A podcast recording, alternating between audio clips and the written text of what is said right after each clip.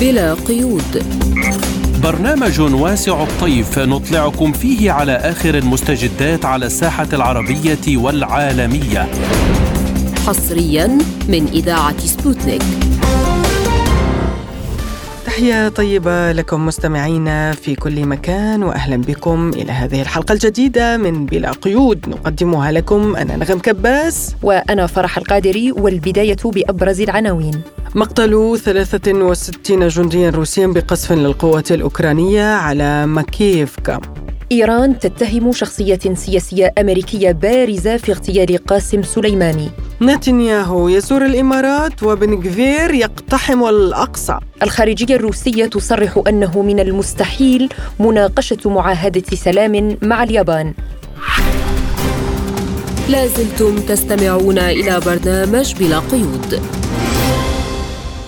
أعلنت وزارة الدفاع الروسية مقتل 63 عسكريا روسيا نتيجة سقوط أربعة صواريخ على نقطة التوزيع المؤقت للقوات الروسية في منطقة ماكييفكا قائلة قصف نظام كييف بستة صواريخ من طراز هيمارس نقطة انتشار مؤقت لإحدى وحدات القوات المسلحة الروسية في منطقة ماكييفكا في جمهورية دانيتسك الشعبية. وأسقطت أنظمة الدفاع الجوي الروسية صاروخين منها. ونتيجة لإصابة نقطة انتشار مؤقتة بأربعة صواريخ برأس حربي. شديد الانفجار قتل 63 جنديا روسيا وسيتم تقديم المساعدة والدعم اللازمين لأقارب وأصدقاء الجنود القتلى. بدوره أكد حاكم مدينة سيفستوبل في شبه جزيرة القرم الروسية ميخائيل رازفوجايف أن طائرتين من دون طيار أسقطتا فوق البحر الأسود بالقرب من سيفستوبل من جانبه أعلن المكتب التمثيلي لجمهورية دانسك الشعبية في المركز المشترك لمراقبة وتنسيق القضايا المتعلقة بجرائم الحرب في أوكرانيا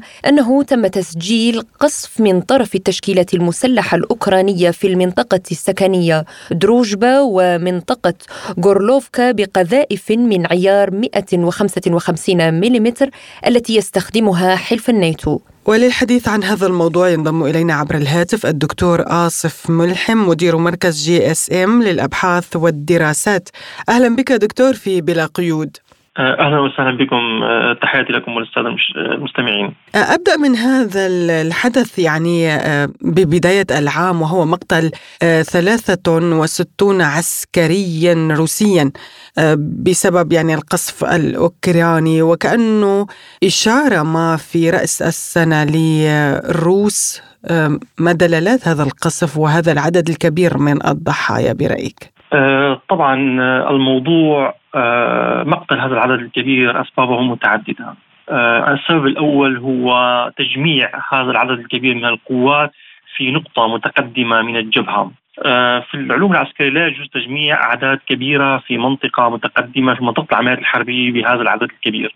النقطة الثانية هؤلاء جميعهم من الذين من الجنود الذين تمت تعبئتهم من من مقاطعة سراتر.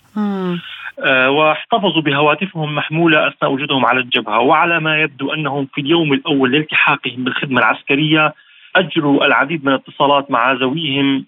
وبالتالي يبدو أن الاستخبارات الاستخبارات الأوكرانية والاستخبارات الغربية التي تدعم أوكرانيا بشكل كبير جدا التقطت هذه الاتصالات واستطاعت قصف هذه النقطة. النقطة الثالثة أيضا نحن نعلم في الأيام السابقة قامت روسيا بقصف مركز الاستخبارات البريطاني في في مدينة الفوف وتم قتل حوالي عشرة من عملاء الاستخبارات البريطانية في هذه المنطقة مع ضابط كرواتي واثنين من الأوكران. وعلى ما يبدو أن هذه العملية جاءت طبعا العملية الروسية كانت ردا على على استهداف السيد روجوزين وبالتالي نعتقد أن العملية الأخيرة التي قامت بها القوات الأوكرانية قامت بها بدعم من الاستخبارات البريطانية تحديدا وهي رد على مقتل هؤلاء العملاء البريطانيين الذين كانوا موجودين في الفوف طيب يعني دكتور آسف بالنسبة لضرب شبه جزيرة القرم الروسية مع بداية العام وزير الدفاع الروسي كان قد قال أن النصر سيكون حتمي هذه السنة ومن جانب آخر أن نظام كييف يصعد من الضربات برأيك يعني كيف سيكون الرد الروسي؟ أستاذ فرح أصبحت الحرب واضحة للجميع، يعني الحرب كلما صعد الغرب في في عملياته العسكرية على الأرض الأوكرانية ستصعد روسيا أكثر وأكثر، ولكن سيبقى السؤال طبعا غاية الغرب من هذه القضية هو استنزاف روسيا استنزاف روسيا وإنهاكها. السؤال متى أي الحدثين سيحدث اولا؟ هل ستستنزف روسيا اولا أم ستنتهي أوكرانيا اولا؟ نحن نعتقد أن الجيش الأوكراني يعيش ظروف صعبة جدا وهذه العمليات هذا دليل على ذلك، مقتل داريا دوغينا، قصف شبه جزيره قصف جسر القرم، استهداف روبيزن وقصف القصف الأخير الذي حدث على الجنود الذين تم تعبئتهم، هذه ممكن تسميتها المنازعات الأولى قبل الموت، لأن نعتقد أن آخر معارك الجيش الأوكراني هي باخمت أو ما يسمى آه، قوس الدنباس آه، وخرسون النصر القادم لروسيا روسيا دولة قوية موجودة على حدود أوكرانيا. الدعم اللوجستي لقواتها يتم تأمينه بسهولة تامة وبالتالي لا يمكن أن نتخيل بأي شكل من الأشكال أن تستطيع الدول الغربية تقديم أسلحة بحيث تستطيع النصر على أوكرانيا. هذه المعركة على روسيا. نعم. مفهوم. روسيا. نعم مفهوم عفوا. دكتور. يعني ولكن لا ننسى بانه هناك يعني أسلحة من الناتو تصل إلى أوكرانيا. قالوا في ديانيسك المكتب التمثيلي للجمهورية بأنه تم قصف دانيتسك اليوم بقذائف من عيار 155 التي يستخدمها الناتو. يعني هناك تدخل مباشر من أسلحة الناتو في أوكرانيا. يعني نعلم بأن روسيا قوة عسكرية ضخمة لا يستهان بها ولديها أسلحة ولكن الطرف الآخر أيضا لديه أسلحة أمريكية بريطانية من مختلف دول الناتو. طبعا طبعا وليس هذا فحسب حتى القوات الأوكرانية تتلقى تدريبا جيدا في معظم بلدان الناتو. وهذا شيء معروف لروسيا يعني. يبدو أن المنازلة ستتم ستتم بهذه الطريقة. تصعيد من هنا وتصعيد مقابل من هنا. أيهما سينتصر اولا؟ طبعا يعني هذا الأمر آه، متروك للأيام ولكن نحن نفهم جيدا أن هذه المنازلة ستستمر بهذه الطريقة والنصر سيكون من حليف روسيا طبعا. آه، ولكن المعادلة قبلت بها روسيا قبلت بهذا النوع من المنازلة لأننا نعلم جيدا أي تصعيد من أي طرف يعني غير غير مضبوط. وغير محسوب بدقة قد يؤدي إلى اندلاع حرب كبرى بين الطرفين. ولذلك الناتو نلاحظ أنه يقدم أسلحة يعني إن صح التسمية بالقطارة. آه، لا يقدم أسلحة لأوكرانيا من شأنها أن تؤدي إلى آه، تهديد استراتيجي لروسيا لأن الرئيس بوتين نفسه قال أي أسلحة ستؤدي إلى تهديد استراتيجي لروسيا فإن روسيا ترد بشكل حازم وسريع وقد تضرب دول الناتو. وضرب أي دوله من دول الناتو يعني مصيره معروف يعني ستندلع حرب كبرى قد يتم استخدام السلاح النووي فيها وفي حال استخدام السلاح النووي لن يكون هناك أي منتصر. هذه المنازلة ستستمر بهذه الطريقة آه، استنزاف للطرفين آه، ولكن يعني نحن نفهم جيدا أن روسيا قادرة على دعم قواتها باستمرار في تلك المناطق وبالتالي النصر لا بد أن يكون من حليفها في النهاية. طيب دكتور يعني هل برأيك في الأيام وفي ممكن الأشهر المقبلة سنشهد تغير في المواقف الأوروبية لسد العجز وللركود الاقتصادي الذي تعيشه معظم الدول الأوروبية نتيجة هذه الأزمة الروسية الأوكرانية؟ أه، أستاذة فرح يجب أن نفهم نقطة أن الدول الأوروبية تعلن العقوبات أه، أعلنت العقوبات الاقتصادية فهي أشبه بالحرب النفسية أمام الشعب الروسي وأمام الرأي العام العالمي. نحن نعلم جيدا بأن العديد من الشركات الأوروبية لها فروع في الكثير من دول العالم التي لا تقاطع روسيا، وهذه الشركات قادرة على تأمين يعني آه، آه، استثماراتها بشكل جيد آه، بدون أي بدون أي عواقب، وبالتالي هذه العقوبات الاقتصادية يعني هي عقوبات شكلية أن صح التسمية، يعني عندما يتخذ السياسيون عقوبات من نوع معين، الاقتصاديون لا يردون عليهم. لسبب بسيط لأن الاقتصادي في النهاية يجب يجب أن يؤمن يعني بالحد الأدنى رواتب موظفيه يعني هذه العقوبات طبعا آه، كما قلت شكلية وهي أشبه بالحرب النفسية. آه، طبعا الغرب يحاول قدر الإمكان آه، نحن نعلم جيدا أيضا أن يحاول قدر الإمكان التخفيف من أثر هذه العقوبات، لذلك نلاحظ أنها تصدر حزمة بعد حزمة وروسيا قادرة في كل مرحلة من من من المراحل الرد على هذه العقوبات بعقوبات مضادة أو التخفيف من آثارها على سبيل المثال النفط والغاز يعني لجأوا إلى الدول الإفريقية إلى الجزائر تحديدا لتأمين حاجتهم نعم. من الغاز ولكن في النهاية تبين أن أن الحل آه، عن طريق إفريقيا وعن طريق الجزائر في المدى المنظور والمتوسط غير ممكن على الإطلاق وبالتالي لا يمكنهم التخلي عن روسيا آه، في الغاز على سبيل المثال. وأيضا في الغذاء يعني آه، نفس القضية تتكرر أيضا.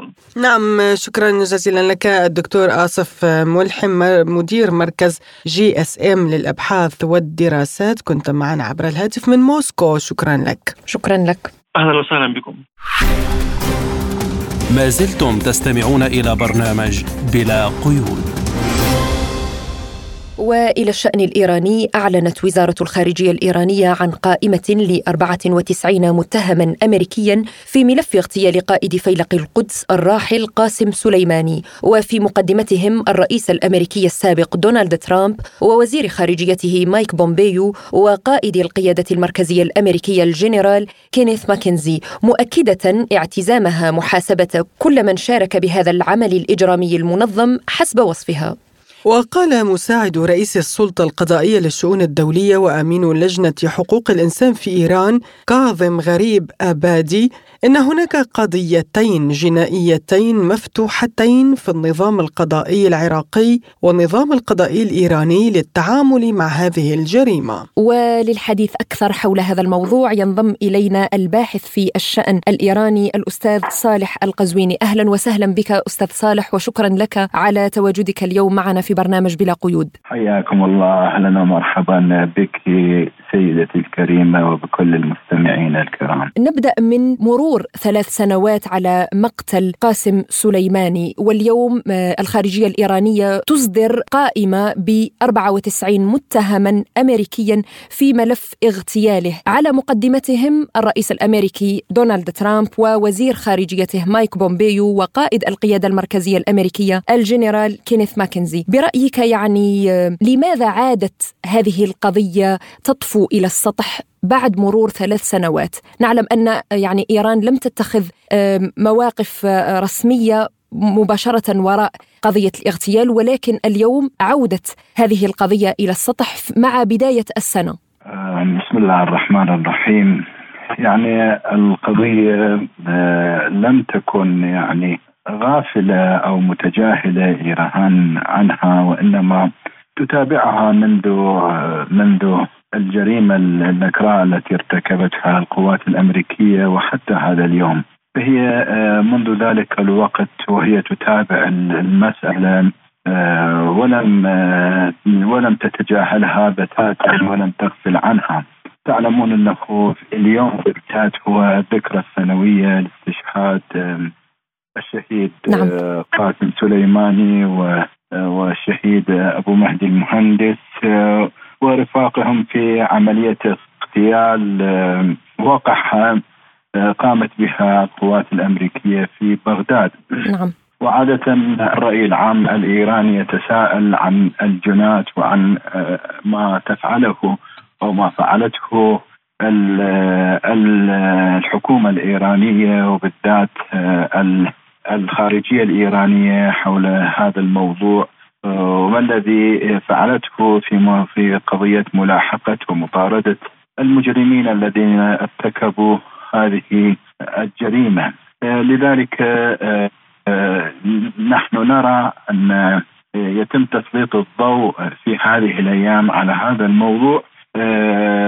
نتيجة لأنه الذكرى السنوية تمر وبالتالي تعرض الخارجية الإيرانية نشاطاتها وخطوات التي قامت بها في هذا الإطار. هذا لا يعني أنه لم يكن هناك تحرك ولم يكن هناك أي خطوة تقدم عليها إيران في هذا الإطار. قبل يومين أو ثلاثة قال وزير الخارجية الإيرانية حسين أمير عبد اللهيان قال إننا نتابع الأمر ولكن الولايات المتحدة الأمريكية تضع العراقيل أمام تحقيق أي تقدم و في إحدى الجولات جولات مفاوضات فيينا قالت أو دعت دعا الوفد الإيراني إلى إلغاء أو تجميد قضية مطاردة المجرمين الذين نفذوا أو المتهمين في هذه القضية وعلى رأسهم ترامب. ترامب أعلن بكل صراحة أنه هو الذي أصدر أمر اغتيال الشهيد سليماني. نعم. كذلك الحال بومبيو أقر واعترف بذلك. الذي نفذ آه هذه هذه الجريمة هي قيادة سانت كان في المنطقة.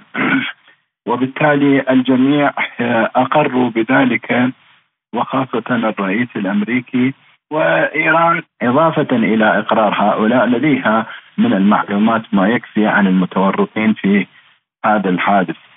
تبقى قضية أخرى وهي مدى تعاون بعض الدول مع إيران وخاصة العراق. يبدو أنه هناك يعني خطوات مشتركة بين العراق وإيران لتقديم لائحة أو شكوى إلى محكمة الجنايات الدولية في هذا الموضوع. نعم أستاذ صالح يعني أشرت إلى الاعتراف الصريح لعملية الاغتيال حتى أن مايك بومبيو قال إنها قانونية.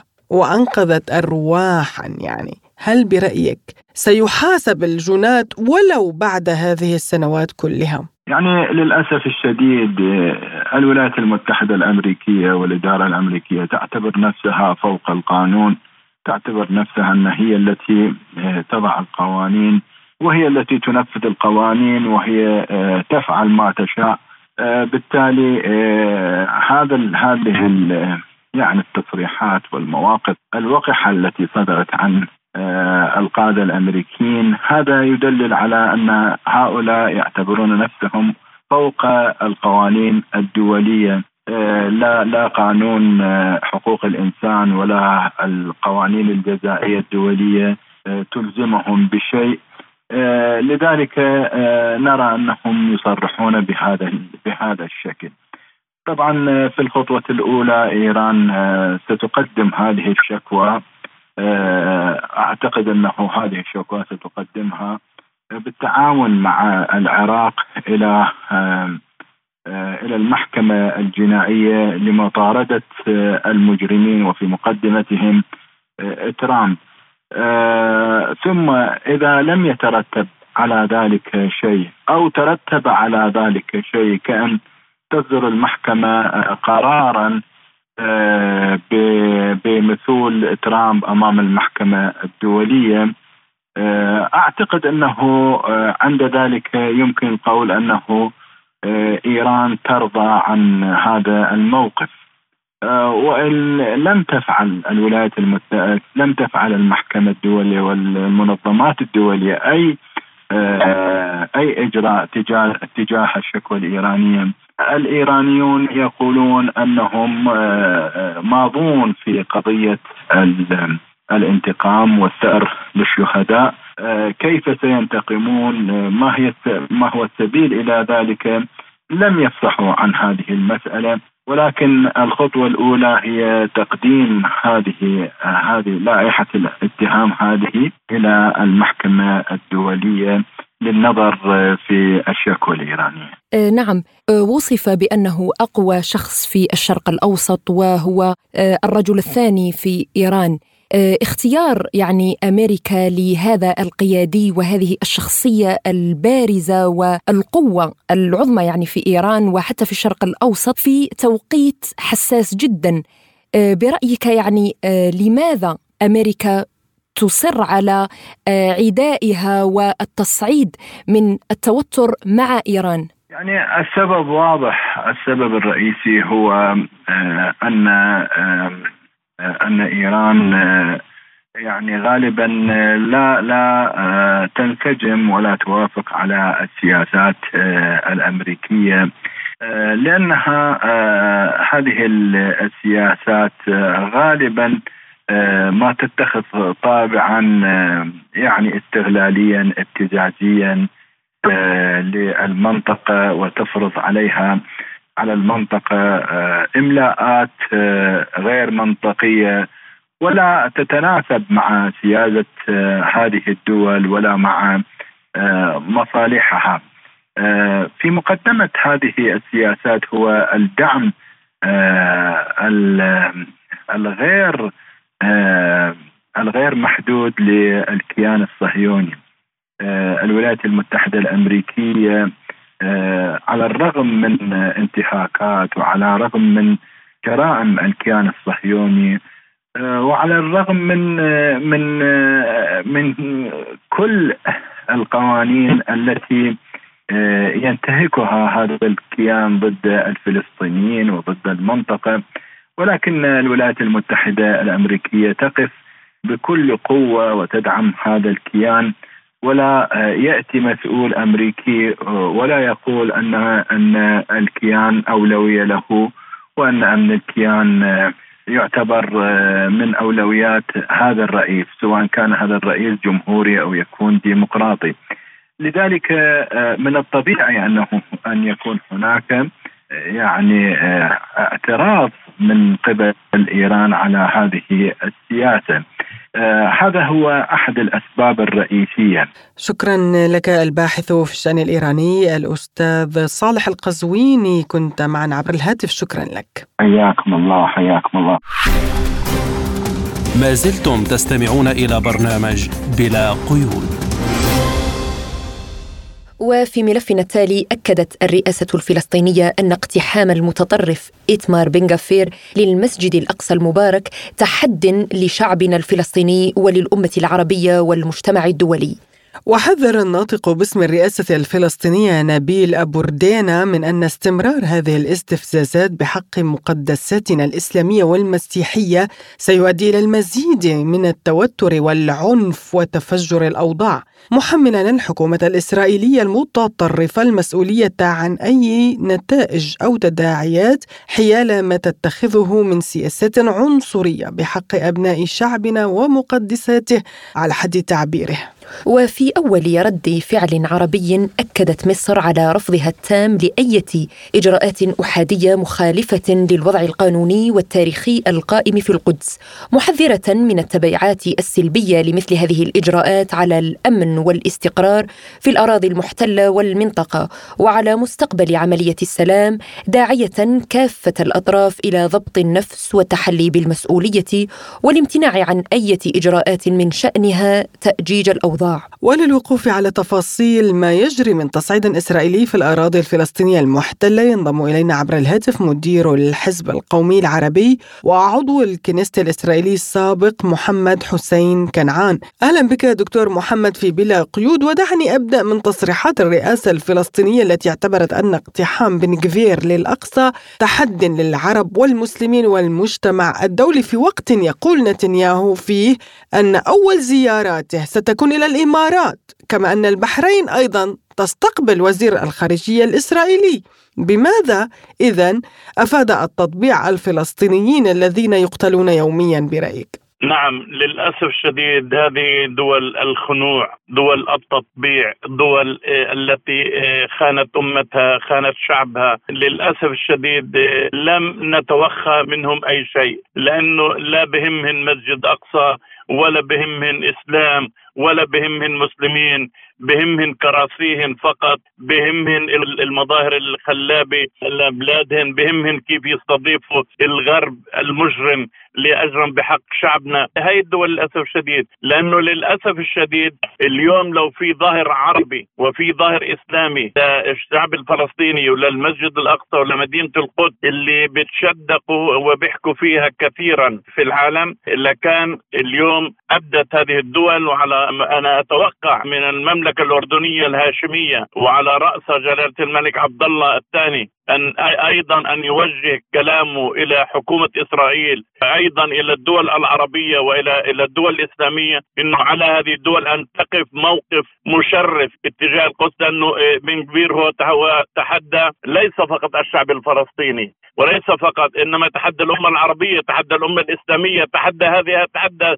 تحدى البحرين تحدى الإمارات. أنا باعتقادي لو هذه الدول تحترم نفسها لما استقبلت أي إسرائيلي ايا كان إن كان مسؤول أو حتى مواطن لم تستقبلهم على على أراضيها. ولكن عندما يعني ماذا نتوخى من هذه الدول التي تساهم البحرين والإمارات تساهم تحديدا في ضرب القضية الفلسطينية في دعم الحركة الصهيونية في دعم إسرائيل معنويا وماديا في المحافل الدولية وها تستقبل وزراء من إسرائيل في الوقت اللي بن كبير كمسؤول في حكومة إسرائيل يدنس المسجد الأقصى المبارك. أنا باعتقادي يعني مع كل احترام للرئاسة الفلسطينية اليوم القضية مش قضية بس كلام مش قضية تصريحات. كلنا بنقدر نصرح تصريحات. السؤال هذه التصريحات تجدي هذه التصريحات إيه، تمنع في المستقبل إيه، بن كبير من دخول المسجد الأقصى؟ لماذا الرئاسة الفلسطينية لم تطلب اجتماع قمة على مستوى وزراء الخارجية العرب على مستوى السفراء على الأقل يكون إدانة عربية على الأقل في جامعة الدول العربية؟ هذا أضعف الإيمان. دكتور محمد يعني هناك صمت دولي عن دعوة تحرض على القتل وأشار إليها عضو الكنيست من حزب بن غفير حيث دعا إلى قتل 500 فلسطيني مقابل كل إسرائيلي.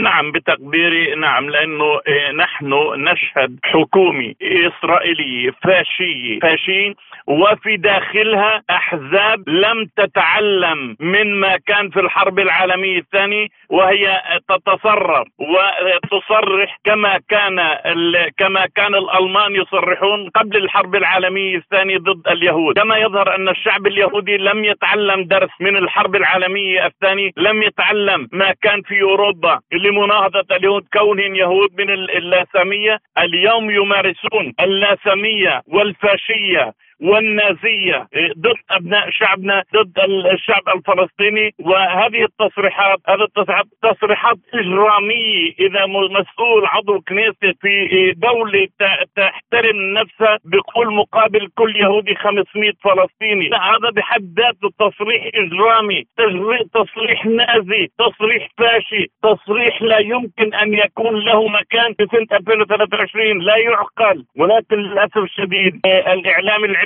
ساكت الإعلام العالمي ساكت العرب ساكتين المسلمين ساكتين فإسرائيل تصرح وتمرح ونتنياهو يصرح ويمرح في هذه الحكومة، أنا باعتقادي يجب أن يكون رد فعل على هذه التصريحات. وعلى تدنيس المسجد الأقصى من قبل وزير اليوم مش هو عضو كنيسة هو وزير مسؤول عن الأمن الأمن الداخلي. يعني حضرتك تتوقع تدخلا مصريا واردنيا؟ خاصة يعني إنه مصر منذ قليل نددت باقتحام بن كفير للأقصى. للأسف هذا حالنا هذا حالنا وأنا كما قلت بالماضي وبقولها اليوم إنه ما بحك جلدك إلا ظفرك على الشعب الفلسطيني. أن يعيد حساباته أن أن يعيد استراتيجيته أن يبني استراتيجيه وحدويه أن ينهي الانقسام وأن أن يبني استراتيجيه وحدويه لكل الفصائل الفلسطينية أينما كانت من أجل مواجهة هذه الحكومة وسياسه الحكومة من أجل مواجهة بن كبير وسلوترش وكل أعوانهم المستوطنين في الضفة الغربية. لأنه نتوقع أن تكون ثانية مشاحنات وفيها طبعا قتل وسيكون هناك شهداء. الشعب الفلسطيني آل على نفسه أن يدافع عن نفسه أن يدافع عن أرضه أن يدافع عن كرامته أن يدافع عن وطنه أن يدافع عن, عن عزيته والشعب الفلسطيني اليوم يدفع ثمن دفاع عن كرامة الأمة العربية. عن كرامة الأمة العربية أن أستغرب من دول تستطيع ان تستطيع برن التلفون. لبيبي نتنياهو لبيبي نتنياهو بتخليه يعيد حساباته مليون مرة. مجرد تلفون مجرد تلفون. غريب العالم اليوم. أمريكا وأوروبا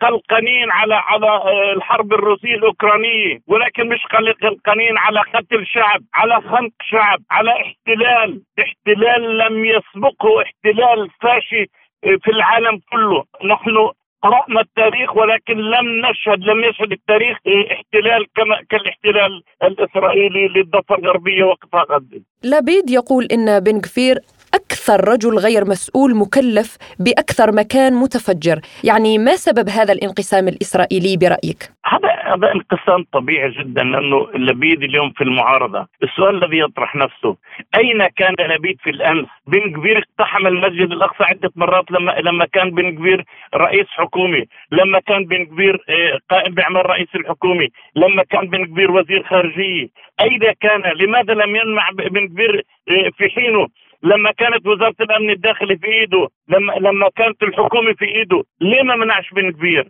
اليوم. اليوم. اليوم. اليوم بصرح التصريحات مشان يقولوا للعرب هي إحنا إحنا إحنا ضد دخول بن كبير ما أنتم امبارح كنتوا مع دخول بن كبير في زمن حكومة لبيد بن كبير دخل المسجد الأقصى اضعاف ما دخلوا في الماضي. طب الانقسام بديهي جدا. اليوم في معارضة وفي ائتلاف مدير الحزب القومي العربي وعضو الكنيست الإسرائيلي السابق محمد حسين كنعان كنت معنا عبر الهاتف. شكرا لك على هذه المداخلة. ما زلتم تستمعون إلى برنامج بلا قيود. وإلى العلاقات الروسية اليابانية وإعلان وزارة الخارجية الروسية أنه لا يمكن توقيع اتفاقية سلام مع طوكيو حاليا إذ تحدث نائب وزير الخارجية الروسي أندري رودينكو عن اتجاهات الحوار الروسي مع الدول الآسيوية مشيرا إلى أن الوضع صعب للغاية في شبه الجزيرة الكورية. وأكد رودينكو أن استراتيجية الولايات المتحدة في تلك المنطقة تهدف إلى إعادة تشكيل آسيا لخدمة مصالح قطب واحد. من أجل دعم تشكيل ناقل بديل يعتمد على المهام التي يحتاجها الغرب لاحتواء أي مراكز نمو اقتصادي وتكنولوجي مستقل كما يتم إدخال عنصر أوروبي أطلسي قوي إلى المنطقة في شكل حلف للناتو. وللخوض أكثر في هذا الموضوع ينضم إلينا عبر الهاتف الخبير بالشأن الروسي الدكتور محمود الأفندي. أهلا بك دكتور في برنامج بلا قيود ودعنا نبدأ من تصريح نائب وزير الخارجية الروسي عن السلام مع طوكيو هل أصبح من المستحيل مناقشة معاهدة سلام مع اليابان برأيك؟ آه بشكل عام إذا كنا نظرنا الموضوع من مدة زم... من حوالي 20 سنة وصلت العلاقات الروسية الأوروبية حتى مع دول آه مثل كمان اليابان وكوريا الجنوبية وصلت لعلى ذروتها الاقتصادية. فبنتذكر الألفينات آه كان في علاقات تجارية مهمة علاقات اقتصادية مهمة. هذا لا لا يعجب الولايات المتحدة الأمريكية بأي شكل من الأشكال. لذلك استطاعت الولايات المتحدة الأمريكية عن طريق أوكرانيا بما يسمى وضع فتنة بين هذه الدول. يعني استطاعت عن طريق هيمنتها على أوروبا بشكل كامل كامل ودعم للنخب السياسي الآخر أو النخب السياسي رقم اثنين نسميه النخب غير القادر على قيادة بلده. آه، استطاعت أن تهيمن على أوروبا على القرار السياسي بأوروبا. ونفس الشيء بالنسبة لكوريا الجنوبية واليابان. نفس الشيء اللي حصل. خلينا نذكر حتى لو نذكر حتى مقتل من حوالي أربعة أشهر. رئيس وزراء اليابان السابق آبي. وهو قتل حتى القاتل. قال أنا لا أعرف لماذا يعني حتى لا أعرف لماذا قتله. هذا من الواضح أنه كان رئيس وزراء آبي متقرب جدا من روسيا وكان يدعم الرئيس بوتين بخطواته وكان ناوي يرشح حاله إنه وزراء جديده لذلك تم قتله يعني فعليا الولايات المتحدة الأمريكية وضعت من كل الدول الحليفه الاقتصادية روسيا السابقة وضعتها كأعداء سياسيين. فعليا انتصرت في هذه المعركة. ومنها اليابان. اليابان نعلم جيدا أن بعد نهاية الحرب العالمية الثالثة الحرب العالمية الثانية هناك كثير يعني ما يسمى آه، مناقشات حتى الوضع ما يسمى الحدود بين البلدين وبعض الجزر. التي تسيطر عليها روسيا. حتى الآن ليس هناك اتفاقية سلام. واراد الرئيس الروسي عدة مرات في عدة مؤتمرات أن يبدأ اتفاقية سلام ولكن فعليا لم تبدأ. أما الوقت الراهن فأصبح أشد صعوبة لأنه فعليا اليابان تدعم أوكرانيا بما يسمى أو بالأسلحة بالإضافة بالإضافة أنها تطبق العقوبات على روسيا وتحاصرها اقتصاديا. ونعلم جي جي جيدا لما حصار اقتصادي هو مثابه الآن حرب. فهناك الآن حرب اقتصادية بين الدولتين. فكيف نقدر أن نتكلم نتكلم على ما يسمى آه، آه، اتفاقية سلام. نحن في يعني إذا كنا واقعيين أهم شيء بأسباب الحروب هي الاقتصاد في التاريخ وحتى أسباب الحروب هي الاقتصاد. إذا كانت دولة مثل اليابان أو دول العالم تطبق العقوبات عم تحارب روسيا اقتصاديا فكيف روسيا أن أن تسمي ما تقوم باتفاقيه سلام وهي في حالة حرب؟ يجب أن تكون أمور ممهده والمناخ جيد لإيجاد حل في اتفاقية سلام بين روسيا واليابان اللي قلت من أول الحديث إنه من عام 1945 بعد نهاية الحرب اليابانية الروسية والحرب العالمية الثانية لم تكتب حتى الآن. ففعليا إذا رأينا الموضوع ان الولايات المتحده الأمريكية تحاول أن تشنج كل آه الأطراف آه التي تخضع لهيمنتها مع روسيا، أي دولة إن كانت كانت تحت وتفرض عليها ما يسمى إنتاج آه ما تفرض عليها أن تطبق العقوبات وأن تحارب روسيا اقتصاديا وتدعم أوكرانيا عسكريا، وهذا ما رأيناه بكل دول الاتحاد الأوروبي وكذلك كوريا الجنوبية واليابان. طيب دكتور يعني كيف سترد السلطات اليابانية على هذه التصريحات من قبل وزارة الخارجية الروسية برايك وهل هي بداية مواجهة مفتوحة بين موسكو وطوكيو؟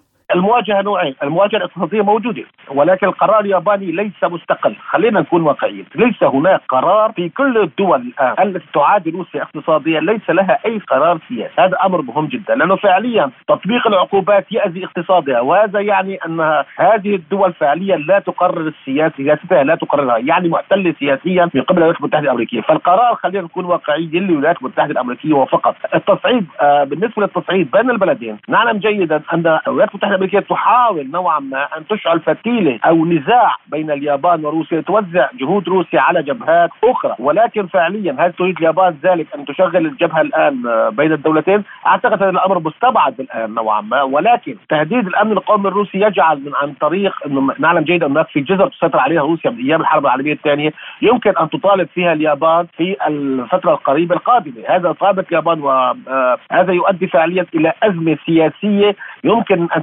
تتحول على عسكرية في المستقبل القريب، يعني يعني خلينا نكون واقعيين انه هناك في عمل أمريكي وعمل أمريكي إلى إشعال كل الجبهات للدول الدول المحايدة لروسيا، راينا كيف تدخلت في كازاخستان في بداية العام الماضي، راينا كيف تدخل في بيلاروسيا من حوالي سنتين لدعم الانقلاب غير مشروع في بيلاروسيا. يعني برأيك هل هذه جزء من خطة أكبر لإضعاف روسيا؟ طبعا أكيد هذا شيء أكيد.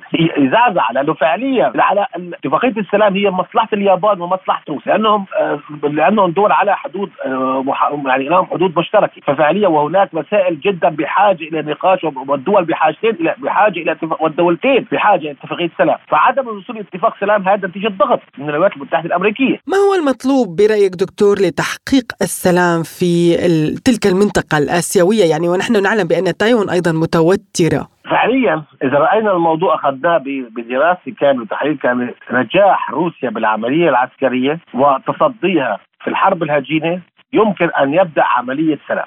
يعني الأمر كله كله يعتمد على العملية العسكرية الخاصة بأوكرانيا، لماذا العملية الخاصة؟ لأنه فعليا اذا استطاعت روسيا أن تحرز أهدافها في العملية العسكرية الخاصة.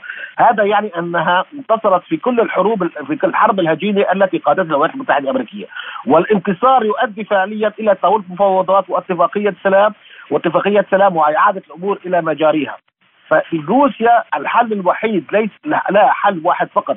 لذلك قال الرئيس بوتين ليس لدينا اي مخرج غير أن نكمل وانهاء العملية العسكرية حتى تحقيق أهدافها، إذا لم تتحقق أهداف العملية العسكرية يمكن أن نقول أن الغرب انتصر على روسيا بهذه العملية، ويمكن أن نقول أن فعليا بعد فترة قريبة سيتم تثبيت روسيا طريق إشعال كل الجبهات ما يسمى حوالي الحدود الروسية، ففعليا إنهاء العملية العسكرية أو تحقيق أهدافها سيؤدي فعليا إلى اتفاقيات سلام مع كل الدول المشاركة في ضد روسيا في الحرب الهجيه وبينها طبعا اليابان. فعليا ولا ننسى كمان إنه العلاقات بين الصين والعلاقات بين الصين وروسيا قوية وأعتقد أن الصين يمكن أن تبدأ بشكل من الأشكال عملية عسكرية إذا لضم تايوان هذا شيء كمان متوقع. يعني واكيد سيكون هناك في شراكة روسية صينية في هذا الموضوع. كل الأمور يعني حاليا متصاعدة بشكل كبير في هذه المنطقة ولكن الحلول الحلول تبدأ باتفاقيات سلام عن طريق ما يسمى إنهاء العملية العسكرية ونجاحها. ففعليا يمكن فعليا أن تهدأ هذه المنطقة وتبدأ اتفاقيه سلام وتعلم الغرب أنه خسر هذه المعركة. يمكن أن نقول ان هناك في المستقبل القريب العاجل. هناك عمليات سلام بين هذه الدول أو اتفاقيات سلام. الخبير بالشأن الروسي الدكتور محمود الأفندي شكرا لك على هذه المداخلة. ما زلتم تستمعون إلى برنامج بلا قيود. وإلى تونس حيث توقفت وسائل النقل العام في العاصمة التونسية بعد أن أضرب موظفو شركة النقل الحكومية بسبب تأخر دفع الرواتب وعدم الحصول على منحة نهاية السنة والتي جرت العادة على توزيعها في الأسبوع الأخير من شهر ديسمبر. ونظم مئات العمال احتجاجا خارج مكتب رئيسة الوزراء ورفع العمال المتظاهرون شعارات للمطالبة بحقوقهم والتعبير عن المشاكل التي تواجه الشركات العامة في الوقت الذي تكافح حكومة الرئيس قيس سعيد أسوأ أزمة مالية لها فكيف ستواجه تونس هذا الإضراب والاحتجاجات وهل سيضغط هذا الإضراب على حكومة قيس السعيد؟ لمناقشة هذا الموضوع أكثر نستضيف معنا من تونس الخبير الاقتصادي التونسي الدكتور سامي العرفاوي. أهلا وسهلا بك دكتور في بلا قيود ودعني أبدأ مما تعيشه تونس اليوم. هناك أزمة خانقة مالية واجتماعية. أيضا المواطن التونسي يدفع الثمن. قيام عمال النقل بإضراب واحتجاجات منذ بداية العام الجديد، هل برأيك ممكن أن تتصاعد الأوضاع أكثر وتهدد أمن البلاد؟ أكيد وأنه آه، نتيجة الظرف الاقتصادي الصعب اللي تمر به البلاد التونسية منذ عدة سنين آه، هو ليس بالأمر الجديد معناها الأزمة الاقتصادية والمالية آه، في تونس طبعا من نتائجها هو هناك آه، يعني العديد من لا نقول انتفاضات وإنما عدم الرضا على الوضع الاقتصادي ككل. والعمال السكك الحديدية والنقل آه، أضربوا مؤخرا نتيجة عدم يعني تسلم رواتبهم والمنح السنوية. كان منتظر كان منتظر باعتباره أنه الحكومة صارت في وقت من الأوقات غير قادرة على تلبيه ربما آه، تعهداتها وانجاز تعهداتها تجاه العديد من القطاعات الحيوية وخاصة قطاع النقل. وحسب تصريح الوزير المكلف بالنقل آه، البارحة يبدو أن الإشكال ما زال يطول والحلول غير متوفرة آه، بشكل عاجل. وهذا ربما قد يدفع بتفاقم الأزمة وتأثيرها على سير العادي لنشاط المواطن خاصة وأنه يوم الاثنين شهدنا تعطل وشلل في العديد من القطاعات آه، نتيجة غياب الموظفين والعملاء وحتى هناك تأثير على السير العادي الامتحانات في بعض الجامعات للطلبة يعني المشكل آه، مشكل كبير آه، مشكل هو في ظاهره اجتماعي ولكن في باطنه هو مالي اقتصادي يلام فيه على الحكومة في عدم كيفيه التصرف في إيجاد حلول بشكل مسبق التفكير فيها بشكل مسبق. آه نعم ميزانيه الدولة ميزانيه الدولة حاليا تعكس آه، عجز الحكومة الحالية على إيجاد الحلول آه، ذات الطابع المالي في فض العديد من الخلافات في العديد من القطاعات خاصه آه، قطاع النقل، قطاع النقل هو قطاع من جملة القطاعات التي ربما انتفض عمالها ومنضويها تجاه هذا الوضع المتردد. وننتظر ربما قطاعات أخرى قد نشاهد فيها نفس الاحتجاجات أو حتى آه، أكثر من ذلك. دكتور يعني أريد الإشارة إلى التحذير الذي وجهه الرئيس التونسي قيس سعيد بأن الأجهزة الأمنية لن تقف مكتوفة الأيدي، هل برأيك يعني أليس من الأصح التعجيل بعملية سريعة لتلبية مطالب العمال أو التهديد بقوة أمنية ممكن لاكتساح الشارع؟ لا أظن أن القوى الأمنية تكتسح الشارع، ربما هذا يكون الحل النهائي لفض ربما تظاهرات أو غيرها من المشاغبات التي قد آه، نلاحظها في الشارع التونسي وهذا أمر شبه مستبعد. ولكن آه، بالنسبة لرئيس الدولة هو آه، غالبا ما يتبطن نظرية المؤامرة مما يفسر يعني في أكثر من موقف وحالة وواقعة أنه دائما ربما له خطاب الوعيد. وأنا شخصيا أرى أنه الموضوع ربما يكون فيه جانب آه، يعني نقابي آه، تحريزي هذا لا يستبعد. نعم. ولكن لا يمكن أن ننكر أنه الجانب المالي والاقتصادي آه، باين للعيان ومستنتج استنتاج لا غبار عليه. فهناك أزمة اقتصادية أزمة مالية خاصة في ظل كتلة يعني في أجور مهمة جدا تثقل كاهل الحكومة. وكما أشرت أن الحكومة اليوم تجد نفسها غير آه، جاده في آه، إنجاز تعهداتها المبرمة وحتى في توفير يعني المعاشات في بعض القطاعات. هذا لا شك فيه. تبقى نظرية المؤامرة آه، أمر مطروح باحتمالية ضعيفة جدا. وقد نستغرب بعض الشيء طابع هذا والخطاب المتكرر لرئيس الجمهورية آه، في تلميح إلى الدسائس وإلى نظرية المؤامره، لكن ما هو جدي وما هو محمول على الحكومة؟ هو السعي إلى توفير يعني آه، رواتب وأجور آه، موظفي قطاع النقل مع المنح المرصودة إليه بمقتضى يعني اتفاقيات وقوانين يعني تلزم الدولة التونسية وتلزم الحكومة التونسية. هذا لا شك فيه. و يعني الاقحام ربما البوليس أو القوات الحامله للسلاح هذا مستبعد جدا لا اراه داعيا لذلك كما الاولى ولا أتنبأ بذلك وإنما كل ما في الأمر انه هناك تفاقم لطلبات واحتجاجات موظفي آه، قطاع النقل. طيب دكتور سامي يعني ما هي الإجراءات التي من الممكن أن تتخذها القيادة التونسية للحفاظ على أمن الدولة وفي نفس الوقت تلبية مطالب المحتجين؟ المطالب هي واضحة هي تقتضي وجوب في اسرع الأوقات ربما اليوم لفضل يعني هذا الاجراء هو صرف أجور المنح المتفق عليه. هذا مما لا شك فيه.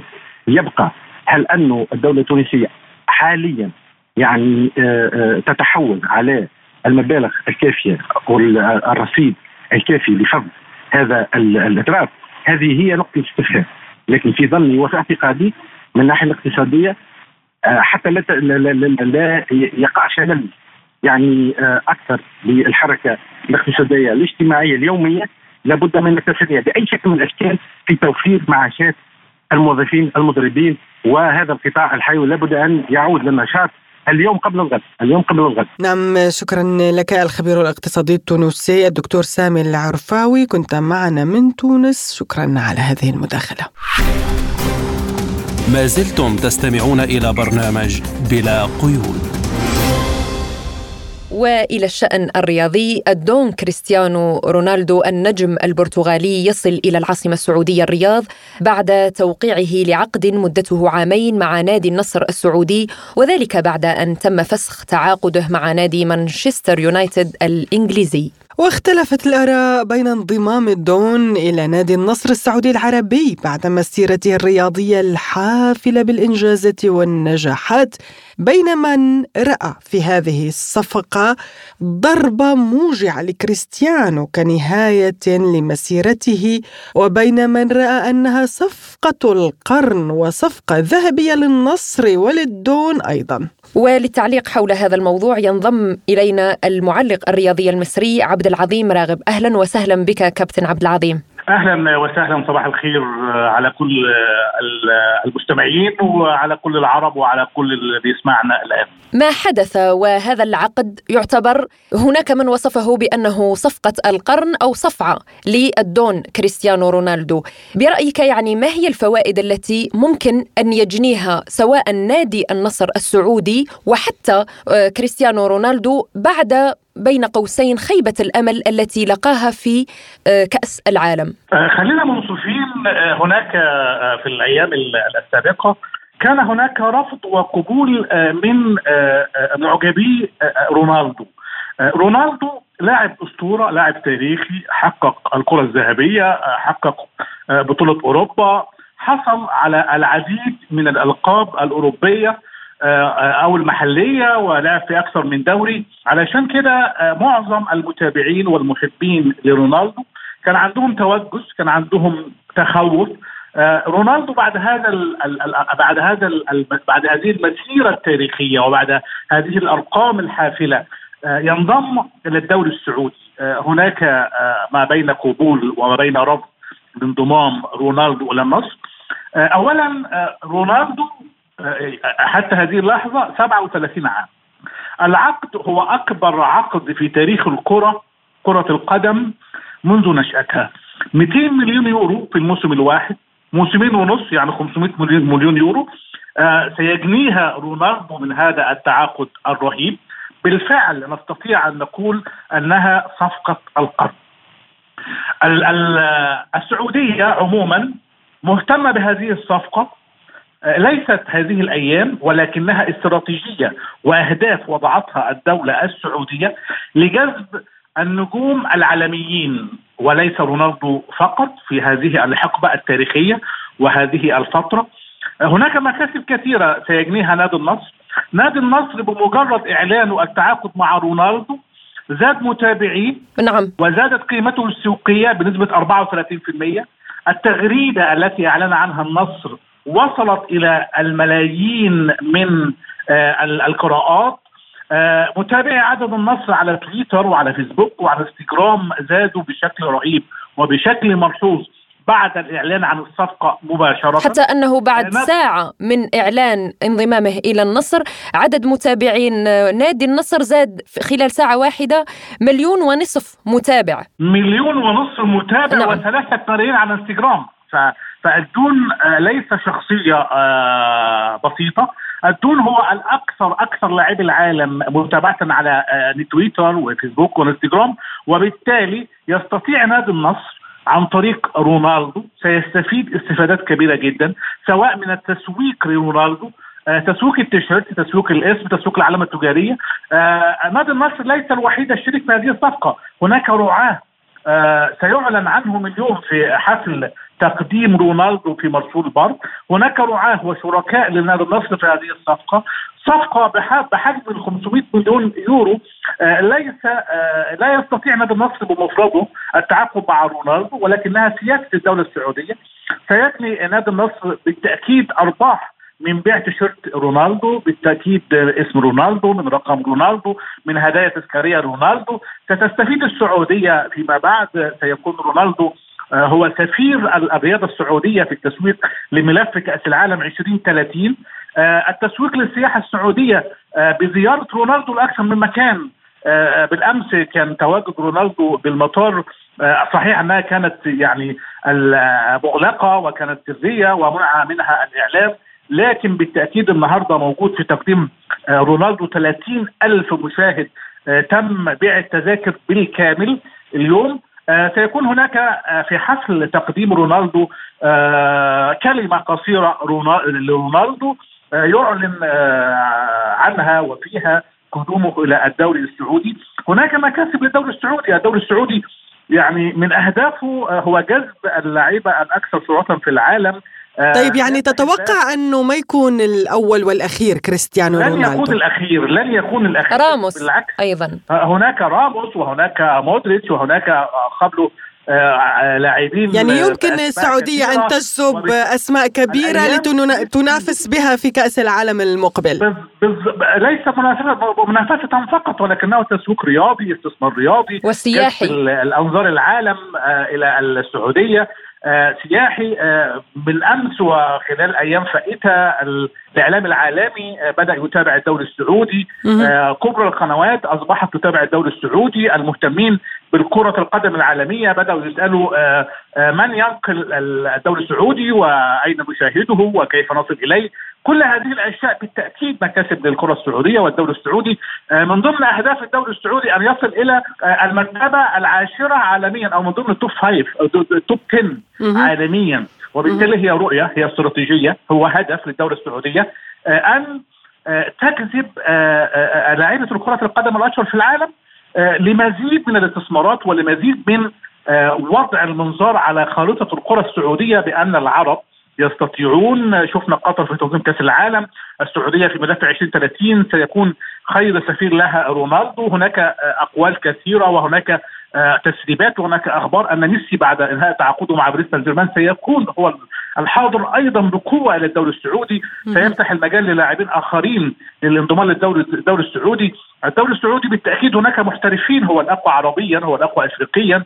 لكن بعد انضمام رونالدو سيكون الوضع مغايرا قبل نعم. رونالدو وبعد رونالدو. نعم طيب كابتن آه عبد العظيم يعني آه دعني أنتقل قليلا إلى السوشيال ميديا. آه تناول بعض الأشخاص آه هذا الانتقال من رونالدو إلى الدوري السعودي بأنه يعني شيء سيء. بنهاية صدمة. حياته صدمة وأنه شيء سيء سيء بحياته أنه ينهي حياته بالدوري السعودي حتى أنه هناك بوستات كانت ساخرة من الأمر مع أنه رونالدو عبر مسيرته الرياضية أحب العرب وساعد العرب إنسانيا من أمواله والآن يتقرب أكثر من العرب ومن الثقافة العربية من الرياضة العربية لماذا برأيك هذه الضجة الإعلامية على السوشيال ميديا ضد رونالدو؟ رونالدو وميسي هما الأكثر شهرة في, في, في, في القرن الحالي رونالدو هناك كثير من المتابعين بيرون أن رونالدو في مكانه عالية لا يمكن أن يتدنى وينزل إلى الدوري السعودي من وجهة نظرهم القاصرة. هناك أشياء كثيرة لا يعلموها هو حبهم لرونالدو حبهم لنجمهم المفضل لنجمهم الأول بيجعلهم أو بيطلبون من رونالدو إنهاء مسيرته بشكل دراماتيكي بشكل بعد بعد مشاكله مع مانشستر يونايتد كان يجب على رونالدو أن يبتعد وأن يعتزل الكره لأن العقود كانت ليست على ما يرام أو أنها كانت قليلة وبالتأكيد كان صدمتهم أن ينهي رونالدو حياته الكروية بهذا الشكل. فهو حبهم وتعاطفهم مع اللاعب الأغلى والأفضل في التاريخ من وجهة نظرهم بيأتي من هذا بيأتي من هذا النظر. لكن رونالدو ومستشاريه وله يعني رؤية أخرى. اولا هو العقد الأكبر في تاريخ كرة القدم منذ نشأتها. 500 مليون يورو. مبلغ ليس بالقليل. رونالدو في ال 37 من عمره أي أن هذا هو العقد الأخير في عمر اللاعب. رونالدو عربيا كما تفضلت وقلت كثير من العرب لأعمال رونالدو الخيرية والإنسانية ودعم فلسطين ودعم العرب وتقرب من العرب يحبون رونالدو ويكرهون ميسي. هذا هذا واقع لا محالة. بعض المتابعين والجماهير ينظروا إلى ميسي ورونالدو من هذه الوجهة ومن هذه النظرة الضيقة ليس كرة القدم فحسب. بل على مستوى الإنسانية على مستوى الخدمات على مستوى ما يقدمه العرب لقضايا العرب كل هذه الأشياء. هناك من الجماهير تنظر هذه النظرة الضيقة لكن رونالدو لاعب كرة قدم. في, في الآخر أي لاعب كرة قدم يهم الشهرة والأموال. آه هذا العقد لم يحدث في تاريخ كرة القدم وبالتالي هم لا يهمهم الاموال لا يهمهم ما أهداف رونالدو بعد ال 37 لا يهمهم أن رونالدو سيكون سفيرا للكرة السعودية، لا يهمهم أن يكون رونالدو ممثلا للرياضة السعودية وسيفيد عفوا سيفيد يعني من خبرته الرياضية للفريق الذي انضم إليه بطبيعة الحال. فربما بعد هذا العقد أصبح مدربا دوليا. بالعكس بالضبط بالتأكيد كل متابعي الدوري السعودي والدوري العربي متابعين النصر جماهيريا زادوا فما بالك بالجماهير الأصغر سنا لما يروا رونالدو موجود في نادي النصر وبهذه الشعبية وهذا الاسم الكبير بالتأكيد ستزيد من شعبية النادي، النادي النصر يسعى إلى ال ال ال العالمية إلى العالمية. كأس العالم. أيوه كأس نعم كأس العالم للأندية المستعصي عليه. كانوا يقولون في السعودية العالمية صعبة قوية. اشارات نادي النصر. هو أول نادي استطاع أن يصل إلى دو إلى كأس العالم للأندية. الهلال الآن وصل إلى كأس العالم للأندية وأخذ دوري أبطال آسيا. فبالتأكيد نادي النصر من ضمن أولوياته الوصول عالميا ومن ضمنها كأس العالم للأندية وجود رونالدو مع كوكبة من اللاعيبه زي تاليسكا وزي أبو بكر مهاجم نادي الكاميرون بالتأكيد سيجعل نادي النصر في في مكانة أخرى والفريق لديه القوة والدافعيه وهو متصدر ومعتلي ومعتلي دوري روشن السعودي. فكل هذه الأشياء ستؤثر على الفريق محليا وقاريا وعالميا. يعني ليست محلية وقارية فقط ولكن عالمية. نادي النصر أصبح هو الكلمة الأكثر بحثا في جوجل في الأيام الأخيرة بالنسبة للمتابعين على السوشيال ميديا بالنسبة لتويتر فيسبوك يوتيوب كل هذه الأشياء بالتأكيد ده النصر استفاد منها على المستوى المحلي وعلى المستوى العربي وعلى المستوى العالمي نادي النصر استفاد بالتأكيد. شكرا لك المعلق الرياضي المصري عبد العظيم راغب على هذه المداخلة. شكرا كابتن. شكرا. وبهذا الانضمام لكريستيانو رونالدو إلى النصر السعودي أول فريق عربي يستضيف قامة رياضية ونجم كروي غير متكرر ولا يتكرر. كريستيانو رونالدو له كل التوفيق وأيضا للسعودية التوفيق في منافستها المقبلة. بهذا نختم حلقة اليوم من بلا قيود. قدمناها لكم من استديوهاتنا في موسكو. أنا نغم كباس. وأنا فرح القادري. وللمزيد من المتابعة يمكنكم زيارة موقعنا الإلكتروني سبوتنيك دوت إيه إي وقناتنا عبر تليجرام سبوتنيك عربي. إلى اللقاء إلى اللقاء.